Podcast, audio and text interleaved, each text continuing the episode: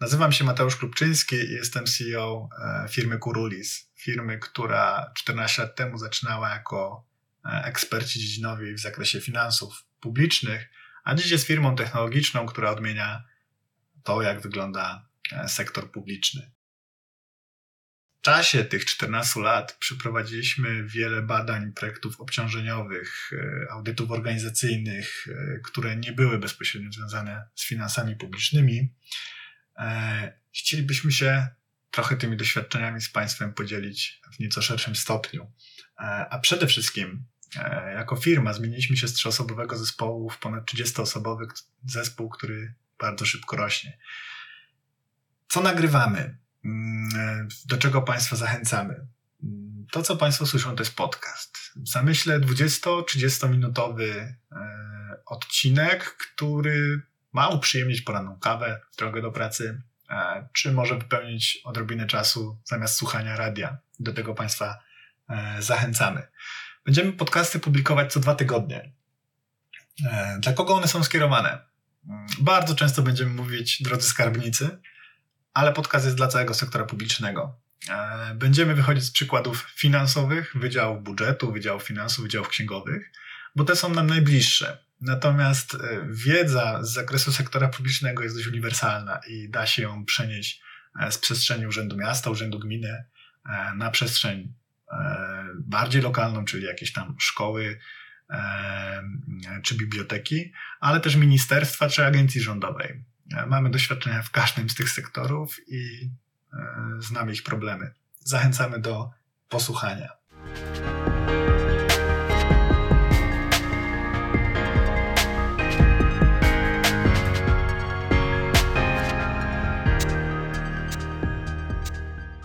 Będziemy mówić o tym, jak zmieniać urzędy, aby działały mądrzej, aby czerpały wiedzę, która w biznesie, e, szeroko rozumianym biznesie, czyli w przedsiębiorczości, mm, jest od dawna. Będziemy zderzać świat e, biznesu, startupów ze światem e, sektora publicznego. Skąd ten pomysł? Dlaczego chcemy nagrywać coś takiego? Przede wszystkim jako firma wycofaliśmy się z usług doradczych, usług konsultingowych, mm, które były bardzo dobrze przyjmowane. Projekty, które miały na celu poprawę efektywności działania w, w urzędach, e, cieszyły się dosyć dużym, dużą popularnością i przede wszystkim widzieliśmy, jak zmienia się podejście tam, gdzie opowiadamy o pewnych rzeczach. E, my nie jesteśmy w stanie tych projektów prowadzić e, dłużej, bo budują one ogromną nieefektywność po naszej stronie. One zmuszały mm, pojedyncze osoby z naszej firmy do tego, żeby były w ciągłej drodze. E, nie jesteśmy w stanie tego robić, bo nie będziemy w stanie rozwijać tej części technologicznej, w której możemy pomóc większej ilości podmiotów. Dlatego pomysł, aby wiedzę uwolnić, aby to, co już wiemy, nagrać dla wszystkich, aby każdy mógł tego posłuchać będziemy to robić kompletnie za darmo. Będziecie Państwo mogli sobie wejść w dowolnej, w dowolnej chwili e, po prostu odsłuchać ten materiał. A to powoduje, że każdy, kto ma ochotę znaleźć, kto w ogóle zadał sobie taki trud, że chce poszukać, e, każdy znajdzie coś dla siebie. Na dziś, e, przedstawiając jakby zamysł, e, zamysł całego nagrania, e, chciałbym przejść do, do krótkiego tematu, bo, bo czasu jest mniej, będziemy się starać zmieścić w te 20-30 minut. Natomiast dziś chciałbym zacząć od takiego skruszenia w ogóle myślenia. Dlaczego nowy etat nie przyspiesza pracy? Czyli temat pierwszego, pierwszego podcastu. Zapraszam serdecznie do tej części merytorycznej. Dlaczego nowy etat nie przyspiesza pracy? E, prowadząc wiele projektów w urzędach e, różnej maści, e, miałem taki zwyczaj również poza takim pomiarowaniem obiektywnym, czyli próbą zmierzenia, przez jaką część dnia ludzie są zajęci w swoich obowiązkach. Mm, tutaj zaspoileruję troszkę. W przeciętnym urzędzie ludzie są zajęci przy komputerze, bo takie badania prowadziliśmy, ale to się rozciąga jakby na całą resztę, o mniej więcej dwie godziny mniej niż w sektorze prywatnym. W sektorze prywatnym mówimy o tym, że spośród 8-godzinnego dnia pracy mniej więcej 5 godzin spędzasz aktywnie mm, przy wykonywaniu obowiązków takich, takich komputerowych. Analogiczne stanowiska w urzędzie, jeżeli e, były na poziomie 3 czy trochę więcej niż 3 godzin, uznawaliśmy, że wynik jest już przyzwoity. Giną nam dwie godziny.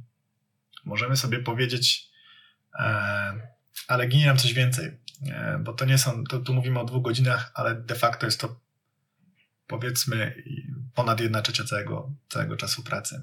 E, nie wszędzie. Były urzędy, które potrafiły w tych naszych badaniach osiągać wyniki analogiczne do sektora prywatnego. I tam ludzie też byli zadowoleni. W sensie nie, nie, nie było w ogóle tematu mm, jakichś takich frustracji. Skąd się biorą te różnice i, e, i, i przechodząc do tematu, dlaczego nowy etat nie przyspiesza pracy? W każdym z tych urzędów, gdzie widzieliśmy niedociążenie już na podstawie badań takich e, badania samego wykorzystania czasu pracy, jak przychodziliśmy do ankiet lub rozmów z kierownikami, bo takie dwa etapy jakościowe sobie założyliśmy, czyli E, czyli ankietą badaliśmy pracowników, żeby nam opowiedzieli, jak bardzo czują się zajęci. No nie muszę, nie muszę tutaj jakby e, daleko iść, żeby powiedzieć, że praktycznie w każdym urzędzie 90% ludzi e, czuło się zajętych na, na, na maksimum swoich możliwości. Natomiast bardzo znamienne były rozmowy z kierownikami.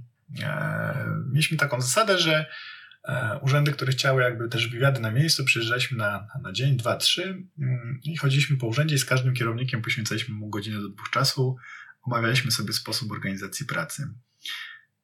I nie było praktycznie miejsca, gdzie kierownicy nie widzieliby jako rozwiązanie swoich problemów większego zatrudnienia. Wszędzie słyszeliśmy to samo. Mm, mamy bardzo dużo obowiązków, ustawy się ciągle zmieniają, dochodzą nam nowe obowiązki, potrzebujemy więcej etatów. Była to standardowa odpowiedź na, każdy, na każdą bolączkę. I jest to największy błąd, jaki można popełnić, słuchanie tego. za chwilę przejdę dlaczego. A najpierw taka jeszcze krótka anegdota. W jednym z dużych urzędów mm, jeden z panów właśnie przekonuje mnie przez, przez 20 minut rozmowy, że, że potrzebuje kolejnych etatów. No I w końcu dochodzimy do takiego fundamentalnego pytania, mm, jakich obowiązków nie są w stanie wykonywać przez to, że tych etatów nie ma chwilę się zastanawia, woła swojego zastępcę mówi, nie wiem, dajmy na to. Adam, słuchaj, gdzie byśmy chcieli te etaty w ogóle? E, e, jakby skończyło się na tym, że, że jak mu załatwię, to dostanę flaszkę po tym projekcie. Oczywiście z uśmiechem jakby to sobie potraktowaliśmy. Było to w takiej formie troszkę żartownej. Oni traktowali to badanie jako możliwość załatwienia sobie, że będą mieli więcej ludzi, ale do końca nie wiedzieli po co. Znaczy, mamy pewne podejrzenie, dlaczego oni tych więcej ludzi chcieli, e, ale no, no, no kompletnie nie o to chodzi. My w momencie, kiedy zaczynaliśmy zatrudniać w naszej firmie, to było gdzieś w okolicy 2013 roku, kiedy zaczynaliśmy na stałe zatrudniać ludzi, rozpocząłem swoje takie przygotowanie do tego tematu od dużych szkoleń. Mm, co mam na myśli? Ponieważ otwieraliśmy dział e, programistów jako taki jeden z pierwszych, miałem poczucie, że za mało wiem o tym, żeby tak po prostu przyjść i, i kazać im coś robić. E, był to czas też dużych środków unijnych, więc e, wziąłem udział w takich dwóch certyfikowanych szkoleniach na światowych standardach. E, pamiętam, że bardzo mnie to wtedy zdziwiło, że jeden dzień szkoleniowy potrafi kosztować 3,5 tysiąca złotych. Dzisiaj pewnie, idąc po inflacji, pewnie byłoby to około 7 tysięcy złotych za dzień szkoleniowy, ale te szkolenia były tego warte. Może nie całe, ale, ale, ale w, w dużej mierze ja bardzo dużo z nich wyciągłem i takie dwie krótkie historie z tych szkoleń. E, na szkoleniu ITIL, czyli takiej metodologii zarządzania projektami, która pochodzi mm, z, z Wysp Brytyjskich, e, gdzie, gdzie bodaj chyba Ministerstwo Obrony Wielkiej Brytanii w pewnym momencie zrozumiało, że nie jest w stanie efektywnie prowadzić projektów e, informatycznych. Mówię trochę z pamięci, mogę, mogę mylić pewne fakty, bo, bo to było już 10 lat temu. Natomiast jest to metodologia, która miała rozwiązać problemy jakby w zakresie wdrażania, wdrażania nowych technologii. I tam e, prowadzący wprowadził nas taką grę. Mm, chciał zasymulować na nas pewne zdarzenia biznesowe, takie normalne środowisko pracy, w którym mm, mieliśmy się poczuć jak pracownik. Więc e, była taka gra symulacyjna Apollo 13. E, byliśmy centrum dowodzenia NASA w momencie, kiedy rakieta Apollo 13 leciała w stronę Księżyca. Apollo 13 to jest przykład lotu w kosmos, który skończył się, mógł się skończyć tragedią, ale skończył się E, pozytywnie z prowadzeniem na Ziemi tej misji załogowej i utożsamia się to z tym, że NASA była świetnie przygotowana pod kątem zarządzania, e, zarządzania problemem, zarządzania incydentem e, i, i z czego to wynika. No i my jako zieloni w temacie, w temacie kosmosu ludzie zostaliśmy usadzeni jako kilka zespołów takich pięcioosobowych. Jeden zespół otrzymał zarządzanie tam jakąś inżynierią rakiety, drugi zespół komunikację, trzeci zespół obsługę, obsługę zgłoszeń, czwarty zespół jakieś tam, nie wiem, tematy paliwa. Każdy z zespołów dostał ogromny segregator procedur. Wszystko było rozpisane, jak działa statek kosmiczny, czego potrzebuje. W pewnym momencie lotu pojawiają się te pierwsze problemy. To chyba było z, związane z tym, że gdzieś był wyciek, yy, wyciek tlenu i, i to spowodowało chyba jakiś wybuch, tak to przynajmniej zapamiętałem. I mieliśmy takie dwuminutowe okna, w których mieliśmy znaleźć odpowiedzi na pytania załogi statku kosmicznego. My bawiliśmy się yy, w taką misję jakby naziemną. No i wiecie Państwo, no zaczęliśmy yy, pracować przy tym. Te segregatory dostaliśmy za 5, 10, o 10 zaczęliśmy misję. No i zaczęliśmy szybko wertować te segregatory. Po jakiejś minucie widać było, że my po prostu wszyscy zrezygnowaliśmy. W sensie prowadzący pyta, co się stało i zgadnijcie, co zaczęliśmy mówić. A wie pan, powinniśmy wczoraj dostać te segregatory. Moglibyśmy sobie je przejrzeć przynajmniej wieczorem, się przygotować. Dzisiaj byśmy wiedzieli, gdzie szukać, byśmy znali materiał, e, zostalibyśmy w pewien sposób przeszkoleni i wiedzielibyśmy przynajmniej, gdzie szukać. Druga odpowiedź. Potrzebujemy więcej ludzi, żeby podzielić te segregatory na większą, na większą liczbę tej, tej załogi i to spowoduje, że szybciej będziemy znajdywać odpowiedzi. Prowadzący wysłuchał, obejrzał e, trochę, e, co, co my tam mamy do powiedzenia, wysłuchał nas, a potem z każdego zespołu wywalił po jednej osobie. Z pięcioosobowych zespołów stały się czteroosobowe. No i w pewnym momencie poczuliśmy, że nie ma żartów. Zaczęła się kolejna iteracja, czyli kolejny e, kolejny element gry. Oczywiście w tym pierwszym nie pomogliśmy, więc rakieta dalej się psuła. No i pojawił się kolejne dwuminutowe okno, w którym mieliśmy zadanie rozwiązać kolejne problemy. E, no i dość po doświadczeniu tego pierwszego elementu przestaliśmy narzekać, zaczęliśmy szukać odpowiedzi. My nadal nie znaleźliśmy tych, nie znaleźliśmy tych odpowiedzi, ale mając świadomość, co się stało przed chwilą, mm, chcieliśmy już współpracować. E, po tej iteracji również wywalono nam kolejną osobę z zespołu, zostało nas po trzech. Tamte osoby miały za zadanie obserwować z, z boku i robić swoje, e, swoje notatki. Kolejnej iteracji zaczęliśmy znajdywać rozwiązania w tych segregatorach. Zmniejszenie liczby osób w zespołach spowodowało kompletne zmniejszenie szumu informacyjnego pomiędzy nami. E, zamiast komunikować się między sobą pięć osób, przerzucać na siebie odpowiedzialność, zaczęliśmy już osobowo po twarzach widzieć, że jak czegoś nie zrobimy, to ta rakieta wybuchnie. Wybuchnie gdzieś tam w kosmosie, albo przeleci księżyc i poleci w otchłań. E, ostatecznie nie zdążyliśmy do końca gry sprowadzić jej na Ziemię, nam się to nie udało, ale było blisko. Gra dała nam dużą frajdę, a przede wszystkim dała zrozumienie, że ostatnie czego potrzebujemy to jest więcej osób. Więcej osób oznacza więcej połączeń międzyludzkich, Więcej osób oznacza więcej miejsc do komunikacji. Więcej osób oznacza więcej miejsc do spowodowania błędu. I więcej osób oznacza więcej osób do rozmycia odpowiedzialności, do schowania się za czyimiś plecami. Jest to ostatnie, od czego powinniśmy zaczynać. E, rozwiązanie problemu pod tytułem Mamy za dużo pracy. Ta gra zmieniła moje podejście w tym temacie na, e, na całe lata, a potem widziałem ją setki razy w praktyce. E, mówię poważnie. Niedawno taki kolega, który, który prowadził u nas też e, warsztaty strategiczne na końcu zeszłego roku, chcieliśmy się wspomóc jakby zewnętrznym spojrzeniem na to, żeby ktoś nam powiedział, co robimy źle, co robimy dobrze. Opowiadał na, na takim startupowym spotkaniu o swoich doświadczeniach, mm, kiedy przyszedł kryzys związany z COVID-em I on e, użył takich słów, że pewnego dnia e, chyba około 25% klientów wymówiło im umowy. Klientów biznesowych w momencie, kiedy wszedł e, lockdown, pierwsze co zrobili, to zaczęli ścinać koszty i odmawiać współpracy, które, które nie były jakby kluczowe do utrzymania zespołu. No i on mówi, że temat trudny. Musiał zredukować swój 19-osobowy zespół o 6 osób, czy 18-osobowy, chyba do 12 osób zredukował zespół. I mówi, że stał się cud. Po zredukowaniu tego zespołu z 18 do 12 osób, e, ich przychodowość bardzo wzrosła w tym kwartale, w którym to zrobili, i ich e, zyskowność również bardzo wzrosła. I do tego jeszcze użył słów, morale było all time high, czyli najwyższe w stosunku do kiedykolwiek. Co to za magia się stała? Stała się taka magia, że po pierwsze zwolniło się trochę czasu w kalendarzach. Nie trzeba było się tyle komunikować wewnętrznie. Odpadła też część klientów, więc został czas na to, żeby coś z nim zrobić. I zespół wykorzystał ten czas na to, żeby pozyskać nowych klientów między innymi i usprawnić procedury, które, które istniały. To spowodowało duży napływ nowych E, nowych klientów mimo tego lockdownu, po prostu znaleziono swoje nowe nisze.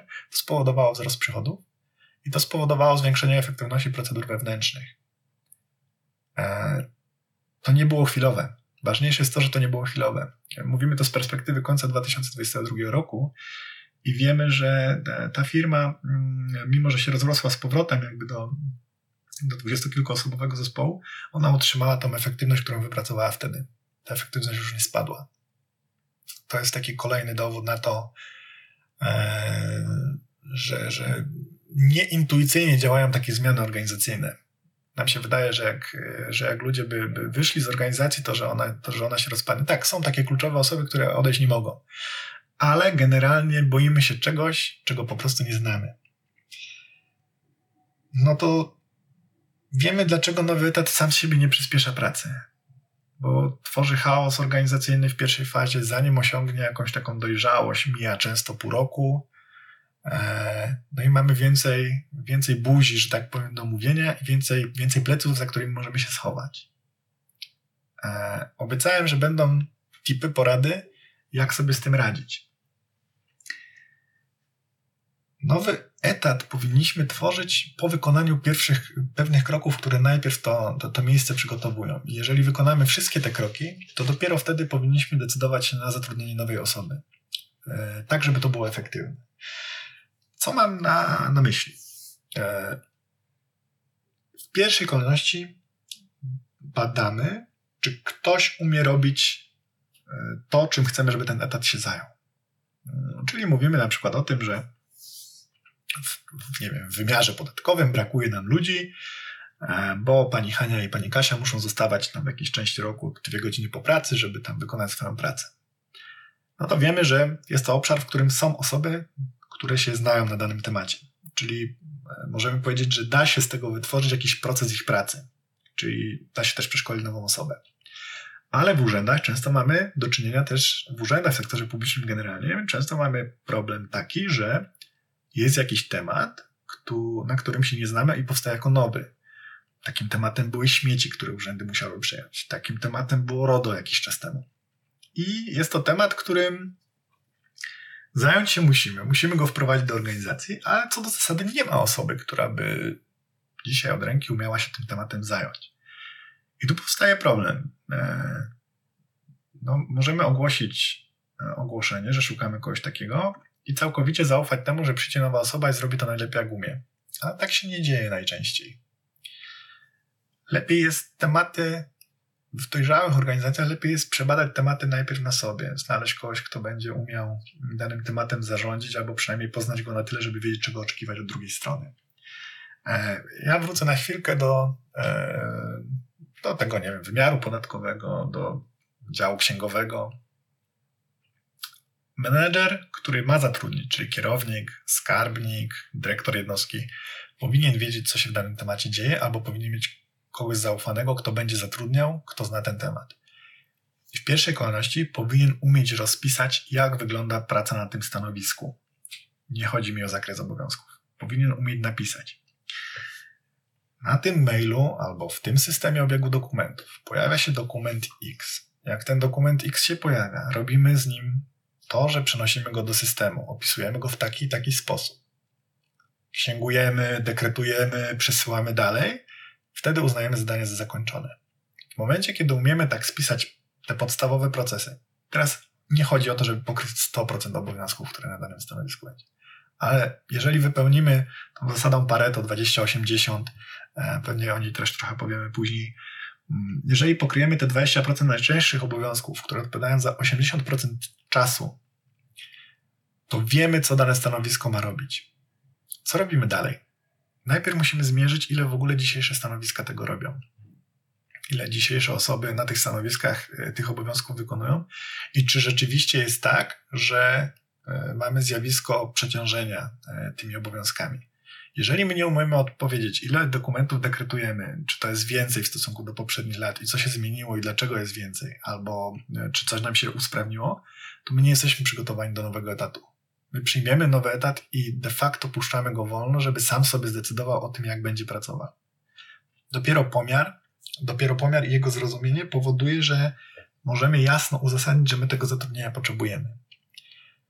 I to też jeszcze nie jest koniec, bo w pierwszej wersji, jeżeli my już pozyskamy e, tą wiedzę, czyli wiemy na przykład, że dekretowaliśmy, nie wiem, 10 tysięcy dokumentów, a teraz w tym roku wpłynęło ich 14, jakościowo wiemy, że to są podobne wnioski i zajmuje nam tyle samo czasu ich e, obrobienie, czyli powiedzmy, że wiemy, że tam nie wiem, 13 minut zajmuje nam praca nad jednym dokumentem, mm, albo to może być równie dobrze 13 godzin i wiemy, że ten czas nie maleje, albo na przykład zmieniła się jeszcze jakaś ustawa i ten czas się wydłużył z 13 do 15 godzin, minut, to jest, to jest nieistotne.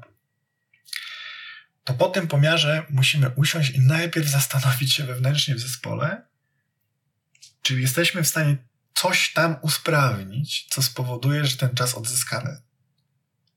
To usprawnienie może być czasem trywialne. To usprawnienie może polegać na tym, że usuniemy jakąś rubrykę z jakiegoś formularza, bo pytamy ludzi o coś, o co na przykład nie trzeba pytać, bo znamy to z jakiegoś rejestru. To może polegać na tym, że ustawimy prostą automatyzację mailową, która klientowi, który zgłasza jakiś wniosek, odpowie: Słuchaj, ten wniosek dotarł, bardzo dziękujemy, odpowiemy w ciągu tam 7 dni i na przykład nie będziemy dostawać 10 telefonów, które zawsze pojawiają się po tym, jak nam ktoś wyśle coś mailowo, żeby sprawdzić, czy doszło.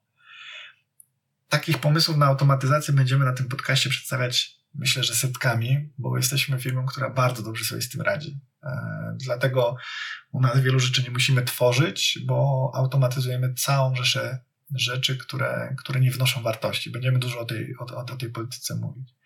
I dopiero kiedy nie mamy już dalszych pomysłów i nie znaleźliśmy nowych pomysłów, nie wiem, w Google czy, czy gdzieś jakby patrząc na świat zewnętrzny, to dopiero wtedy umiemy sobie odpowiedzieć, słuchajcie, nie wiem, trzecia osoba w zespole spowoduje, że rozłożymy to na kolejną osobę i tam rzeczywiście będzie wypełniony etat.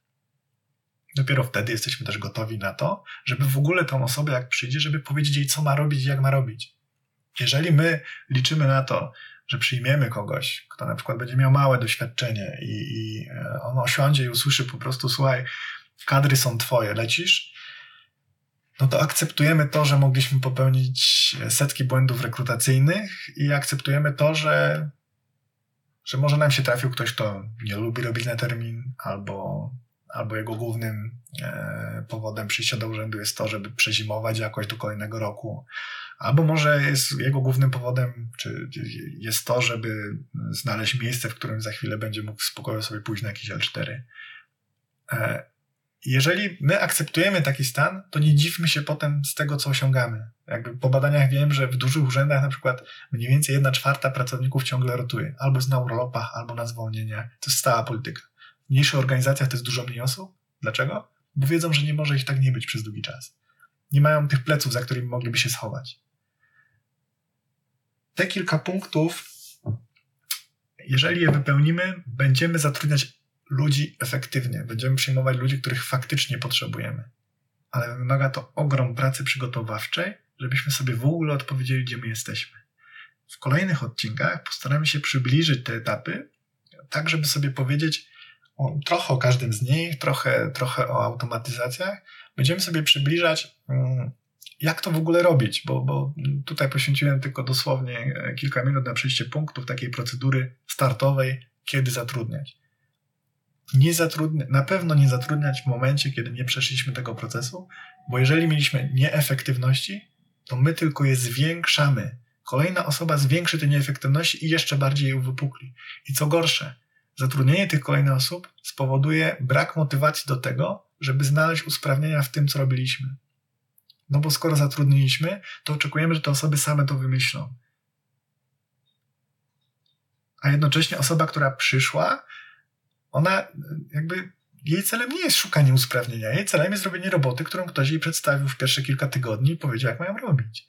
Więc nie ma nic, nie ma, nie ma jakby efektu z niczego. Przygotowujmy dobrze miejsca, stanowiska pracy, wtedy zaczniemy osiągać dobre efekty, będziemy zwiększać efektywność. Co się stanie, jak zwiększymy efektywność? Będziemy mogli płacić większe wypłaty, bo tą samą pracę zrobi dużo mniejsza liczba osób. Ja wiem, że to jest takie bardzo górnolotne to, co mówię, ale no tak działa ekonomia, tylko trzeba najpierw trzeba odważyć się i skoczyć do wody, żeby zobaczyć efekty. A najpierw trzeba w ogóle o tym usłyszeć. Dlatego zachęcam Państwa do, do odsłuchania, do czekania na kolejne części w dwutygodniowych, w dwutygodniowych przerwach. Zapraszam i bardzo dziękuję za, za dzisiejszą obecność. Pozdrawiam serdecznie.